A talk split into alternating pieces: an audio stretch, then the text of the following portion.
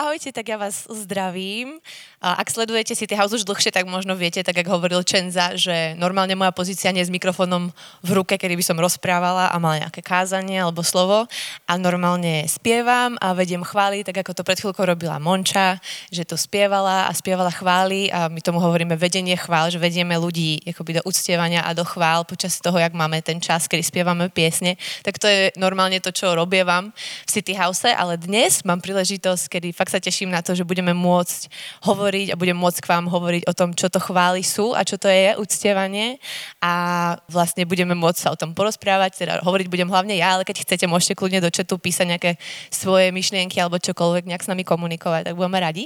Ale chcem dneska teda hovoriť o tom, čo sú chvály, pretože v City House je čas chvál súčasťou každej bohoslúžby, ako vidíte aj dnes, alebo keď sa vidíme naživo, normálne v kafe Prach, tak mávame chvály na začiatku nášho stretnutia, na začiatku bohoslúžieb, kedy máme piesne, ako veľakrát hovoríme vo vedení, že máme piesne, kedy uctievame Boha, alebo ho chválime a vyznávame mu nejaké slova zo svojho srdca. Takže to je čas, ktorý mávame každú nedelu a možno neúplne rozumiete tomu, prečo to tak je, prečo máme tento čas, čo znamená, alebo ako sa máte počas neho chovať. Neviem, možno sa vám tie piesne páčia, možno úplne nie, možno to proste nie je váš štýl. A dnes chcem hovoriť o tom, aká je v tom hĺbka alebo prečo to vôbec robíme, tak to bude jedna časť a to bude tá druhá časť, ale v prvej časti sa chcem pozrieť na to, čo to vlastne uctievanie je a prečo Boha uctievame a ako ho máme uctievať tak, ako je to podľa jeho srdca správne, tak ako to od nás naozaj chce. Pre mňa je to teda srdcová téma, pre mňa je to niečo, čo milujem chvály, milujem uctievanie, milujem ten čas, kedy mu spievame, kedy ho chválime, ale verím tomu, že dneska, keď vám o tom budem hovoriť, tak sa to možno stane aj vašou srdcovkou a budete tomu možno rozumieť z trošku iného pohľadu. V to dúfam. O to tu teraz ide. Takže dúfam, že sa mi podarí vám to trošku upresniť a vysvetliť. Možno ste si všimli, že používame akoby také dve slova. Jedno z nich je chvála a druhé je uctievanie. A oni vlastne sa dajú akoby zameniť, ale v našom slovníku sa tak nejak ustálili na nejakom význame takže len chcem to upresniť, čo to vlastne znamená. Chvály sú pre nás, akoby, keď povieme chvály, tak veľakrát myslíme ten čas spievania chvál a uctievania hudbou Boha. To je akoby, tak sa to nejak ustálilo v cirkvi medzi nami, ale slovo uctievanie má minimálne pre mňa, a myslím si, že všeobecne má taký širší význam, takže v tej prvej časti budem viacej používať slovo uctievanie a neviem, vy si možno pod tým slovom predstavíte niečo, kde ho máte zaradené zo života podľa Wikipédie. Je uctievanie uznávanie vážnosti alebo autority niekoho alebo hodnoty niečoho. Možno, že pre vás slovo uctievanie, hneď si predstavíte niekoho na kolenách, alebo nejaký rituál, nejakú liturgiu, nejaký, nejaký prejav toho uctievania nejakého boha alebo niekoho proste na nebi. Hej. Takže možno si to predstavíte takto, ale chcem sa dnes pozrieť na to, ako o uctievaní hovorí Biblia a čo konkrétne hovorí o uctievaní Boh, čo je podľa Neho to práve uctievanie, jeho samého. A začnem v Biblii, v príbehu, ktorý sa píše v Izajašovi v 58. kapitole, to je v starom zákone, kedy Izraeliti, to bol Boží národ, boli to ľudia, ktorí Boha poznali, proste viedol ich už odjak živa, mali s ním svoju históriu. A teraz prišiel moment, kedy mu vyjadrovali nejakým spôsobom svoju frustráciu z toho, že ho uctievajú, že mu prejavujú nejakým spôsobom, svojim spôsobom uh, tú úctu a on akoby na to nereaguje. A ja teraz prečítam len, čo sa tam presne píše, už je to akoby z Božieho pohľadu ten text. A píše sa tam, oni ma, pravda, hľadajú deň čo deň, chceli by poznať moje cesty ako národ, čo uskutočňuje spravodlivosť a neopúšťa nariadenie svojho Boha. Pýtajú sa ma na spravodlivé nariadenia, túžia po Božej blízkosti. Prečo sa postíme, keď ty to nevidíš? Kájame sa a ty to neberieš na vedomie.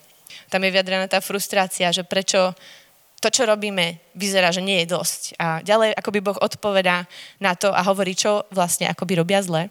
A hovorí tam, pozrite, v postný deň si robíte, čo chcete. Všetkých svojich robotníkov ale naháňate. A vaše pôsty pôsobia len hádky a rozbroje a vaša krutá pes dopadá na druhých. Nemôžete sa postiť tak, ako dnes, aby ste boli vypočutí v nebi. To, že je pôst, ktorý sa mi páči, deň, keď má človek hľadovať, keď má ako trstina skláňať hlavu a ustlať si vrecovinou a popolom. Ako môžeš toto nazývať pôstom, dňom, v ktorom má hospodin zalúbenie? Tam sa používa to slovo pôst, ale pre nich to bola akoby forma uctievania, ktorou Bohu vyznávali tú úctu. Takže je to jedno, hej, či to je pôst, alebo chváli, alebo čokoľvek, ale ide o to, že Boh na nich reaguje, že to, čo oni robia, robia zle, pretože to nevyjadruje to, čo on chce od nich. Nerobia pôst takým spôsobom, aby to naozaj uctievalo jeho meno. A hneď na začiatok si môžeme spraviť jasno v tom, čo teda uctievanie nie je. A uctievanie nie je o vonkajších prejavoch. Boh od nás nežiada nejaké hľadovanie, zvesenie hlavy, nejakú obeď alebo aktivitu, kedy mu navonok prejavujeme nejakým spôsobom úctu a vyzerá to, že sme pred ním akoby sklonení. Boh Ďalej v Matúšovi Ježiš hovorí v Evangeliu Matúša, že tento ľud ma ctí perami, ale jeho srdce je ďaleko odo mňa. Uctievanie sa odohráva v srdci. Nie je to vonkajší prejav, je to niečo, čo sa odohráva v srdci. To je základ pre to, čo budem ďalej hovoriť. A v tom texte ďalej, keď e, Boh vlastne reaguje na tú ich frustráciu a hovorí o tom, čo naozaj je, to je uctievanie, hovorí, nebudem to celé čítať, ale akoby v skratke, hovorí, čo je pre neho práve uctievanie, hovorí o prinášaní slobody, o spravodlivosti, o štedrosti, o odpustení. A toto je podľa Boha skutočné uctievanie, pretože Boha uctievame, keď žijeme podľa jeho hodnôt sloboda, spravodlivosť, štedrosť, odpustenie, to sú Božie hodnoty, ktoré máme prinášať do tohto sveta a máme odrážať Božie srdce v tomto svete. To je to, čo od nás Boh chce a to je pre Neho práve uctievanie. Na čom Bohu najviac záleží? Na ľuďoch. Už od začiatku sveta, keď stvoril zem, až po ten čas, keď Ježiš prišiel na zem a dal za nás život, mu záležalo na ľuďoch, bolo to o ľuďoch. Preto Ježiš zhrňa celý zákon v Markovi týmito slovami. Miluj pána svojho Boha z celého srdca a z celej duše a z celej mysle a z celej sily. A druhé prikázanie je toto. Miluj svojho blížneho ako seba samého. Na to nie väčšieho prikázania. Alebo inde za Pavel píše v, v Novom zákone, že láska je naplnením zákona. Obe prikázania sú pre Boha rovnako dôležité. Tam je strašne krásne vidieť, ak to Ježiš, jeho sa totiž pýtali zákonníci, že ktoré je podľa neho najväčšie prikázanie z tých všetkých, ktoré Izraelci mali. A Ježiš tam jasne hovorí, že to nie je jedno iba, nie je to iba miluj svojho Boha, jemu vzdávaj úctu, ale rovnako na tej istej úrovni je láska k ľuďom, láska k našim blížnym, miluj svojho blížneho tak ako seba.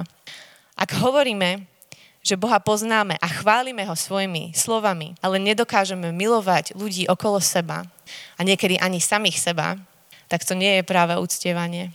Tak to nie je to uctievanie, ktoré od nás chce Boh. Keď používame slova, aby sme mu povedali, že je veľký alebo slávny, to nie je samé o sebe to, čo od nás Boh chce. To nie je to práve uctievanie, ale Boh naozaj chce, aby sme prinášali jeho hodnoty do tohto sveta, aby sme milovali ľudí tak, ako ich On miluje, pretože nás stvoril na svoj obraz a Boh nielenže miluje, ale Boh je láska. On je láska, celý vo svojej podstate, celý on, Boh o sebe sám hovorí, že je láska. A my sme stvorení na jeho obraz. A nedokážeme naplňať tento zákon a milovať ľudí, pokiaľ nepoznáme Božiu lásku pre nás samotných. Potrebujeme poznať to, ako nás Boh naozaj miluje keď Ježiš hovorí, že máme milovať druhých tak ako seba samých, potrebujeme najprv vedieť prijať tú jeho lásku pre samých seba. A to sa nám veľakrát nedarí, alebo potrebujeme proste na tom mieste začať.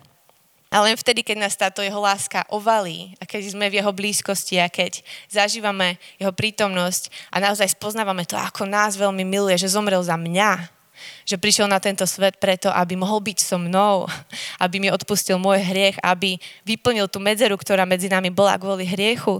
Keď toto pochopí každý z nás, tak naozaj dokáže pochopiť tú Božiu lásku a prijať ju sám pre seba. Iba vtedy naozaj dokážeme milovať tých ľudí okolo nás a dokážeme prinášať tie Božie hodnoty do sveta okolo nás. V jednej z mojich obľúbených piesní sa spieva je to po anglicky, ale to potom preložím. Spieva sa tam Break my heart for what breaks yours. Everything I am for your kingdom's cause. Po slovensky je to zlom mi srdce pre to, čo láme tvoje srdce a všetko to, kým som, zlom pre zámer tvojho kráľovstva. Je to fakt silné význanie a ja si to uvedomujem po každé, keď to spievam v tej piesni a mám to ako citát na svojej nástenke a, a fakt sa snažím na to pozerať a uvedomovať si, akú to má moc. Ale je mi úplne jasné, že to to nedokážem sama zo seba. Že je pre mňa hrozne ťažké milovať ľudí tak, ako ich miluje Boh, bezpodmienečne a ako mať vždy dobrú náladu, prinašať tie jeho hodnoty všade, kam chodím a byť svetlom všade, kam chodím, tak a kresťania majú byť svetlom. Je to pre mňa veľmi ťažké, fakt veľakrát, pretože mám svoju pohodlnosť, mám svoje zabehnutý život, proste svoje názory, mám svoje myšlienky, ja som veľakrát zaneprázdnená, nemám čas na ľudí, ale to, čo uctievanie robí a to, čo robí Božia blízko, to je to, keď s ním trávime čas a uctievame ho, tak nás mení. Tento čas s ním nás mení a premieňa nás. A vtedy, keď dávame Bohu svoju pozornosť a spoznávame to, kým naozaj je, a keď spoznávame jeho srdce a keď sa naša pozornosť upriamuje na to, čo je naozaj dôležité, tak vtedy dokážeme byť láskavejší, dokážeme byť trpezlivejší, dokážeme byť pozornejší, dokážeme viac a lepšie milovať druhých. No väčšinou nám to ale nevydrží moc dlho, čo je proste realita života. A proste ideme ďalej v živote, stretávame ľudí a zažívame rôzne sklamania, alebo proste, neviem, stane sa, že nám to vyfučí, tá láska k druhým a tie veci, ktoré nadobudeme v Božej prítomnosti a preto sa potrebujeme vrácať naspäť na to miesto.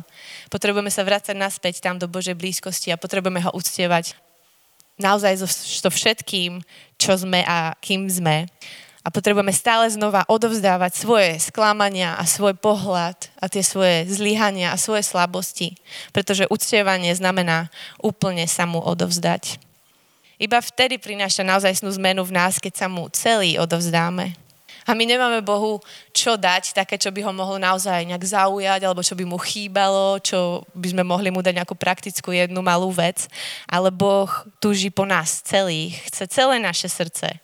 Chce naše životy, chce naše vzťahy, našu prácu, chce naše myšlienky, chce naše túžby, chce našu prítomnosť a našu budúcnosť chce naše premýšľanie. To všetko mu môžeme odovzdať. Všetko to, čo sme a čo máme, tomu môžeme a máme odovzdať. A to je to, čo po nás chce, chce nás celých. V Rímanom v 12. kapitole v prvom verši sa píše, keď nám Boh tak mnohými spôsobmi prejavuje svoje milosrdenstvo, dajte mu aj vy seba úplne k službám. Taká oveď je mu najmilšia a tým ho najlepšie môžeme uctiť. Je úplne jasné. Boh chce proste nás, Boh chce naše životy. A uctievanie je naša reakcia na Božiu lásku a Božiu milosť. Tak, ak sa tam píše, že keď nám Boh tak mnohými spôsobmi prejavuje svoje milosrdenstvo, dajme mu svoju obed. Je to naša reakcia na jeho lásku a jeho milosť k nám. Naše odovzdanie sa a naša úcta je reakcia na jeho milosť. Božie srdce je plné lásky, je plné odpustenia, je plné prijatia pre každého, kto zareaguje na jeho pozvanie a na tú otvorenú náruč, ktorú pre nás má. On už urobil všetko preto, aby mohol byť s nami a je pripravený prijať každého, kto sa mu otvorí a k tomu dá svoj život. Či je to prvýkrát, alebo desiatýkrát, alebo niekoľký x krát v živote. Potrebujeme to robiť znova a znova a prinášať mu seba celých. Je vždy pripravený nás prijať. Je vždy pripravený vypočuť si náš príbeh, prijať naše, čokoľvek mu prinášame v ten moment. To je uctievanie, tráviť s ním čas a prinášať mu samých seba. V Efežanom v prvej kapitole v 5. až 7. verši sa píše, že vo svojej láskavej vôli nás predurčil, aby sme skrze Ježiša Krista boli prijatí za jeho vlastných. Tak sa spievalo teraz v tej piesni, ktorú spievala Monča. Whom the sun sets free is free indeed. I'm a child of God. Tam sa spieva Som Božie dieťa. A on pre mňa pripravil miesto. Chce byť so mnou. O tom to celé je. On chce, aby sme s ním trávili čas, aby sme mu boli blízko ešte raz prečítam celý ten verš, ktorý tam mám. Vo svojej láskavej voli nás predurčil, aby sme skrze Ježiša Krista boli prijatí za jeho vlastných. Chvála jemu za tú slávnu milosť, ktorou nás obdaroval vo svojom milovanom. Skrze jeho krv sme boli oslobodení, dostalo sa nám totiž odpustenia hriechu podľa bohatstva jeho milosti. On spravil všetko preto, aby sme mohli iba prísť. Iba prísť a iba sa mu odovzdať, aby sme mohli byť s ním a byť v jeho prítomnosti a nechali sa premieňať jeho prítomnosťou, aby sme mohli odrážať tie jeho hodnoty, ktoré spoznáme v tej jeho blízkosti. Potom ich môžeme odrážať v spoločnosti okolo nás, medzi ľuďmi, medzi ktorými žijeme. To od nás Boh chce. Stvoril nás pre seba a išiel na smrť iba preto, aby mohol byť s nami každú chvíľu nášho života. A viete čo? Uctievanie nie je založené na emóciách. Nie je to nejaká emotívna reakcia na to, čo Boh urobil. Nie je to len proste teraz sa tak cítim, tak teraz ti dávam chválu.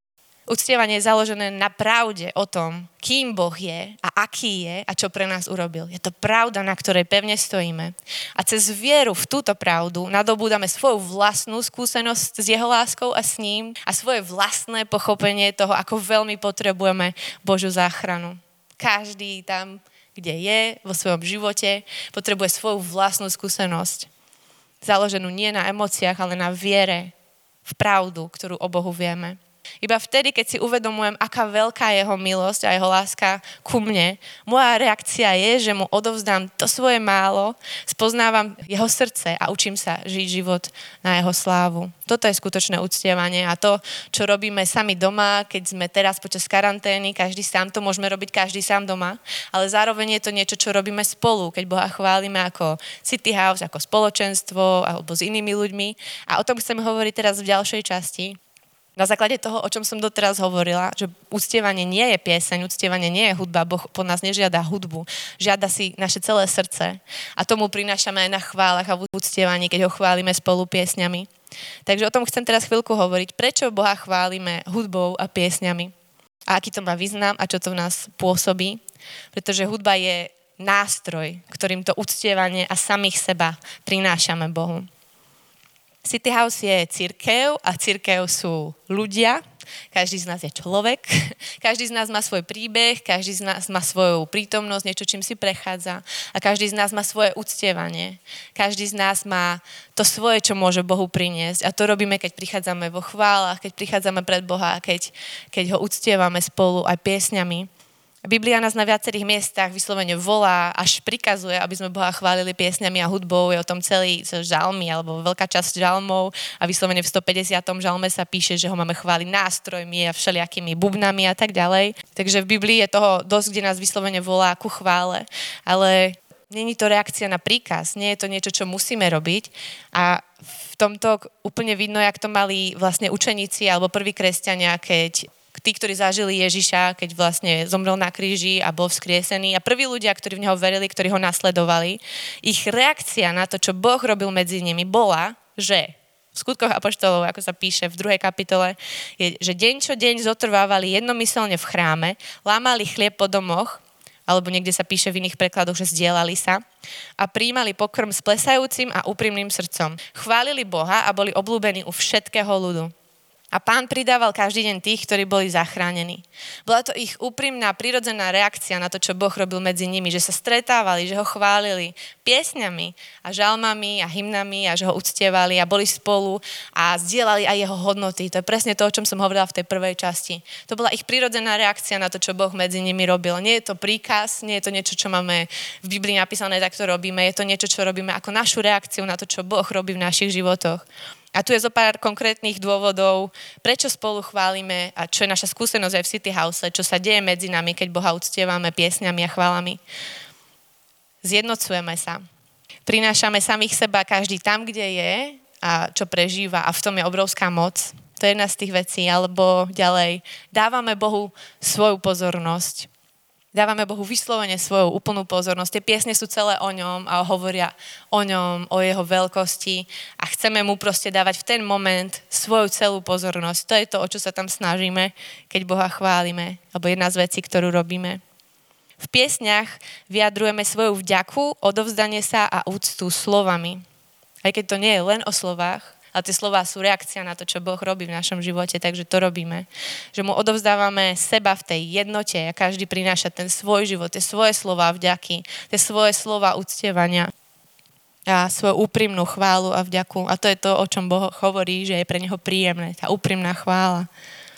Pripomíname si svoju skúsenosť s ním, pretože sme ľudia a potrebujeme si to pripomínať. A hudba má taký neviem, či to je dar, alebo tak dokáže proste v nás pripomínať nám veci, ktorými sme si prešli v minulosti s ním a neviem, či sa to vám stáva. Poznáte to asi z sekulárnej hudby, z pesničiek, proste veľakrát vo vás vyvolá hudba nejakú emóciu alebo niečo z minulosti a viete sa vrátiť na to miesto, kde sa to stalo. Tak toto robia aj chvály. Chvály nás vedia vrátiť na to miesto, kde sme s Bohom možno trávili čas v minulosti a pripomína nám jeho zaslúbenia, pripomína nám to, čo sme zažili v jeho blízkosti a dokážeme sa tam vrátiť a znovu si to pripomenúť. Tak to je jedna z tých vecí. A ďalej, pozývame do tejto skúsenosti tých, ktorí ho nepoznajú a ktorí s ním ešte nemajú osobnú skúsenosť. V City House sa fakt snažíme, aby každý, kto príde, či už je to prvýkrát, teda myslíme veľakrát fakt na ľudí, ktorí prídu prvýkrát.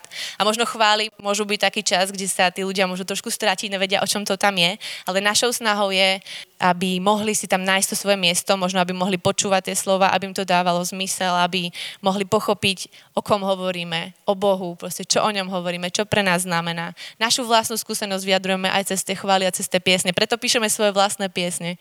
Tak ako dneska Monča spievala úplne novú pieseň. Chceme písať vlastné piesne do tohto obdobia pre City House, pre Česko a keď príde niekto možno prvýkrát do City House, môže sa zamyslieť nad tým textom a chceme týchto ľudí pozývať do našej skúsenosti, ktorú máme s Bohom.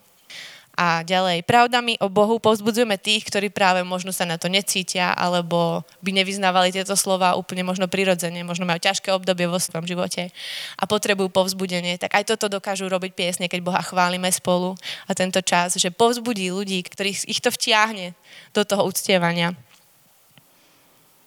A posledná vec, ktorú tu mám, je, že dávame mu priestor k nám hovoriť. Určite to nie je posledná vec, ako posledná dôležitá, ale uctievanie tak ako modlitba môže byť čas, kedy sa s Bohom rozprávame a to nie je jednosmerná komunikácia. Môžeme v ten čas naozaj čakať na to, čo On nám chce povedať a môžeme byť otvorení pre Jeho slovo a pre to, čo On k nám hovorí. To sa stáva fakt veľakrát a to je asi skôr zo skúsenosti, ak nejak podložené Bibliou, ale naozaj Boh hovorí počas chvál a počas uctievania, tak ako hovorí v modlitbe ku nám, keď sa k nemu modlíme a keď s ním trávime čas. Takže to je len zo pár vecí, ktoré ja som tak nejak z toho vytiahla ako počas toho, čo som sa ja zistila o chválach a uctievaní v City House alebo vôbec za svoj život. Ale keby ste sa spýtali ľudí vo svojom okolí, tak by vám možno povedali ďalšie veci a ďalšie svoje skúsenosti s Bohom a čo oni zažívajú počas uctievania, tak sa určite kľudne spýtajte. A to je na tom krásne, že každý má tú svoju skúsenosť a každý o tom možno povie niečo iné, čo zažíva počas toho času. A to bude určite super, keď sa ich budete chcieť alebo môcť pýtať. Ja dúfam, že sa nám podarí fakt čo najskôr, alebo asi to nebude úplne strašne skoro, ale bolo by super, keby sme mohli Boha chváliť spolu zatiaľ. To je takto vlastne počas bohoslúžieb a určite sa k tomu môžete pridať tiež. A vlastne k záveru len chcem ešte prečítať verš so Židom v 13. kapitole, kde sa píše, neustále prinášajte Bohu obeď chvály, ktorou je ovocie pier, ktoré vyznávajú jeho meno. Nezabúdajte však na dobročinnosť a spoločenstvo v českom preklade sa niekde píše štedrosť a v anglických zdieľanie sa. Lebo v takých obetiach má Boh záľubu. A toto mi to krásne prepája dohromady presne. Boh nás volá, alebo máme Boha uctievať piesňami, máme ho uctievať chválami, ale zároveň nezabúdať na to, že to je o jeho srdci, že to je o ľuďoch a že to je o spoločenstve, že to je o tom prinášať jeho hodnoty tam, kde práve sme do svojho života, medzi ľudí, medzi ktorými sa pohybujeme. Potrebujeme Boha uctievať spolu, Potrebujeme sa zjednotiť chvále a vyznávaniami mu vyznávať, čo pre nás znamená. Ale aby to bolo skutočné uctievanie, musíme Boha najprv uctievať svojimi životmi a odrážať jeho hodnoty v spoločenstve. To je všade tam, kde sme. Jeho srdce a hodnoty spoznávame, keď s ním trávime čas. Tak nás chcem teraz vyzvať, aby sme naozaj boli ľuďmi, ktorí poznajú Božie srdce aby sme boli rýchli prísť pred Boha a odovzdať sa mu taký, aký sme a učili sa zdieľať jeho srdce a lásku s ľuďmi okolo nás. A mám také dve výzvy. Prvá sa týka tej prvej časti. Ja chcem vás vyzvať k tomu, aby ste v nasledujúcich dňoch alebo týždňoch, akokoľvek to budete zvládať, ale aby ste skúsili zaradiť uctievanie do svojho života doma. Akýmkoľvek to je spôsobom, či len otvoríte Bibliu, budete spoznávať Božie srdce cez ten čas proste čítania príbehov o ňom alebo snaženia sa pochopiť tých príbehov. Ja verím tomu, že v tom je obrovská moc, keď nám Boh zjavuje pravdu v Biblii. To je tiež uctievanie. Alebo môžete spievať sami piesne, môžete sa modliť, vyznávať mu to svojimi slovami, ale hlavne, do čo vás chcem vyzvať, nás vyzvať, je, aby sme trávili čas v jeho blízkosti. Aby sme spoznávali jeho srdce, aby sme spoznávali jeho hodnoty, aby sme ho nechali, nech nás premienia a nech môžeme my potom žiariť tieto jeho hodnoty do sveta okolo nás, kamkoľvek ideme. Pretože jedine v jeho prítomnosti je to možné, naozaj ho spoznať a naozaj byť premieňaný. Tak to je jedna výzva. Druhú, druhú mám pre vás ktorý možno aj nechápete, ten čas chvál, ale aj pre ostatných. Proste ten čas chvál, ktorý máme v City House, keď je na začiatku, teraz to sú len dve piesne, ale to je jedno, pustíte si aj doma chváli, ale nepredíte ten čas len tak, ako nejaký koncert alebo nejaký kultúrny zážitok, ale buďte ho súčasťou, pretože sa potrebujeme v tom zjednotiť, pretože ten čas je naozaj mocný a naozaj môže ku nám hovoriť a môže v nás robiť veci, môže nás premieňať a potrebujeme sa v ňom zjednotiť a byť spolu ako rodina, aj keď je to online, aj keď ste doma a sedíte na sedačke, alebo ja neviem, kde teraz ste. Ale môžete sa s nami zjednotiť, chvále Boha, má to obrovskú moc a potrebujeme to robiť. My vás potrebujeme a sme radi, že ste v tom s nami, že s nami uctievate a že prinášate svoje srdce tam, kde ste. A verím tomu, že Boh môže naozaj premieňať naše okolie, keď sa mu dáme k dispozícii a keď ho chválime. Tak ja sa budem teraz modliť a, a tak vás do toho chcem pozvať tiež. Sa pridajte ku mne v tejto modlitbe. Bože môj, tak ja ti ďakujem za to, že ty po nás fakt nežiadaš nejaké prázdne gestá alebo niečo, nejaké príkazy, aby sme naplňali, ale tebe ide o naše srdce, Bože, ide ti o moje srdce, ide ti o srdce každého, kto teraz počúva, Bože, chceš byť s nami, chceš nám byť blízko, chceš, aby sme ti boli ochotní a aby sme ti vedeli dať samých seba celých. A tak sa modlím, Bože, aby každý, kto to počúva, aby mohol naozaj spoznávať Tvoje srdce a aby mohol tráviť čas Tvojej blízkosti, aby mohol byť premieňaný Tebou, aby mohol zistiť, čo to znamená, keď Ty sám sa dávaš spoznávať nám, Bože, že to je vzťah, že to je Tvoja blízkosť, Bože, ktorá nás premieňa a že ju potrebujeme. Na to, aby sme mohli naozaj naozaj nájsť zmysel života, Bože, a prinášať Tvoje hodnoty do tohto sveta, Bože, aby sme mohli hovoriť ľuďom okolo seba o tom, aký si veľký, aký si dobrý, aby sme mohli budovať Tvoje kráľovstvo a šíriť Tvoje hodnoty proste okolo nás taký, aký sme, tak sa modlím Bože, aby každý teraz mal na to priestor, aby mohol zareagovať na toto pozvanie a otvoriť ti svoj život a priniesť ti sám seba. Chválim ťa, Ježíš.